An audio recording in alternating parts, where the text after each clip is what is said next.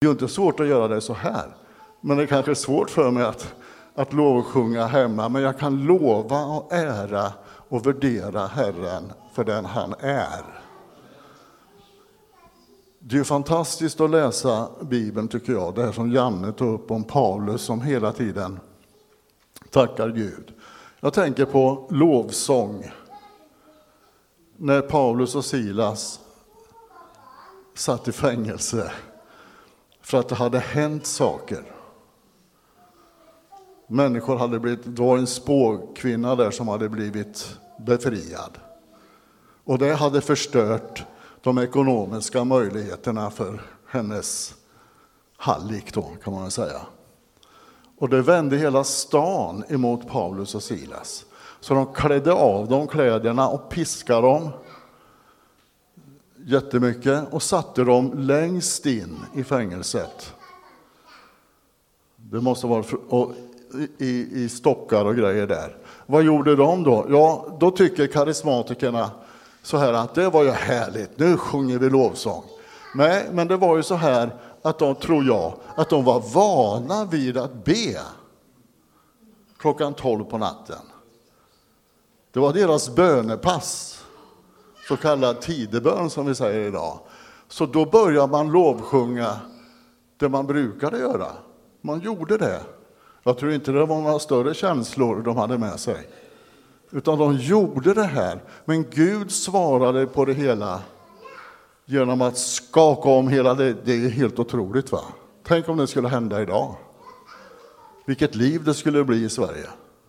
Om ett fängelse bara brakade ihop eller så här. Va? Det, det skulle bli otroligt för att några troende har prisat Gud i fängelset.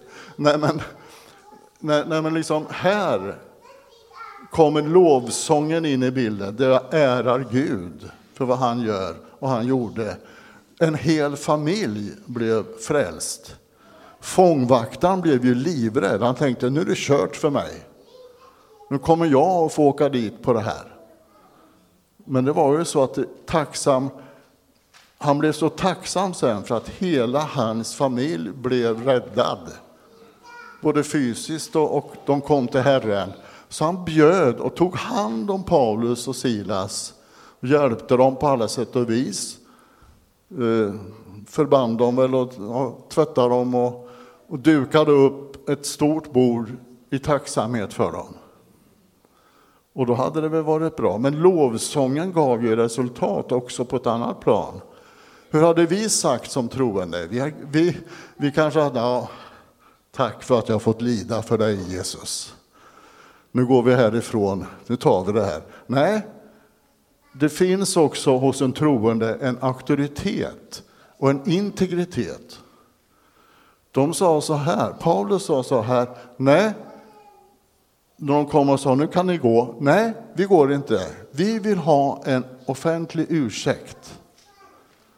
För att jag är romersk medborgare.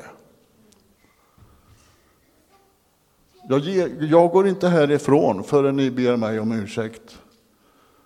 Och det betyder, då blev det så att de fick, de blev, de kom med ursäkten till Paulus. Och det tror jag lär oss någonting, att motstånd ibland kan vi göra. Om vi har med rättfärdighet att göra. Om vi är troende så, så kan man inte göra vad som helst om, man är, om vi är medborgare i Sverige till exempel. Utan vi har en rättighet. Vi ska inte bara falla undan och därför behöver vi använda lovsång och tacksamhet och stå upp emot det som är orättfärdighet. Så vi kan få se människor bli befriade, bli frälsta, komma in i Guds rike. Så jag tror att lovsång det är som vad heter hon, eh, oaskvinnan, Berit Simonsson skrev som rubrik Lovsång är kyrkans DNA. Det, och läser man skriften så kan vi också få en vidare bild. Paulus, han talar, det händer mycket att, att man ska tala till varandra i salmer och sånger och andliga visor. Men han hade ju inte läst vad Johannes uppenbarelseboken skriver. För den fanns ju inte då. Den är inte skriven förrän senare. Och det är Johannes i kapitel 4 talar om himlen. Så vill vi se ett hopp så rekommenderar jag att läsa Uppenbarelseboken 4, kapitel 4 och kapitel 5. För de kapitlen beskriver himlen i den nivån som det handlar om. Och det, den beskrivningen är bättre än Sagan om ringen eller Star Wars. Det är mycket häftigare.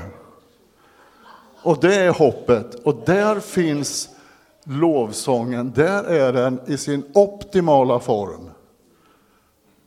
Där de ger lammet, där Jesus får allt. Och det är någonting som redan nu pågår.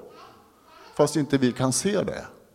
Men vi får göra det för att det här är uppenbarat för Johannes. Så här ser det ut och så här ska det bli senare.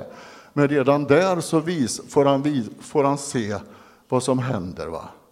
Och där är lovsången i sitt starkaste uttryck.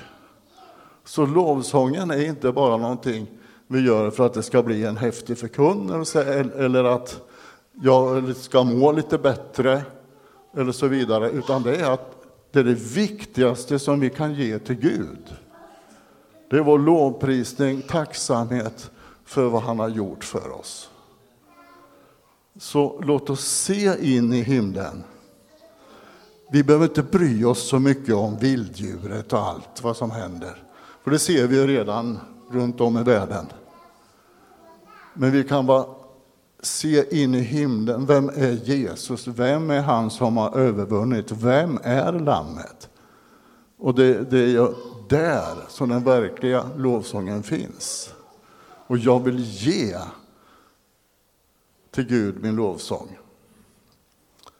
Tack ska ni ha.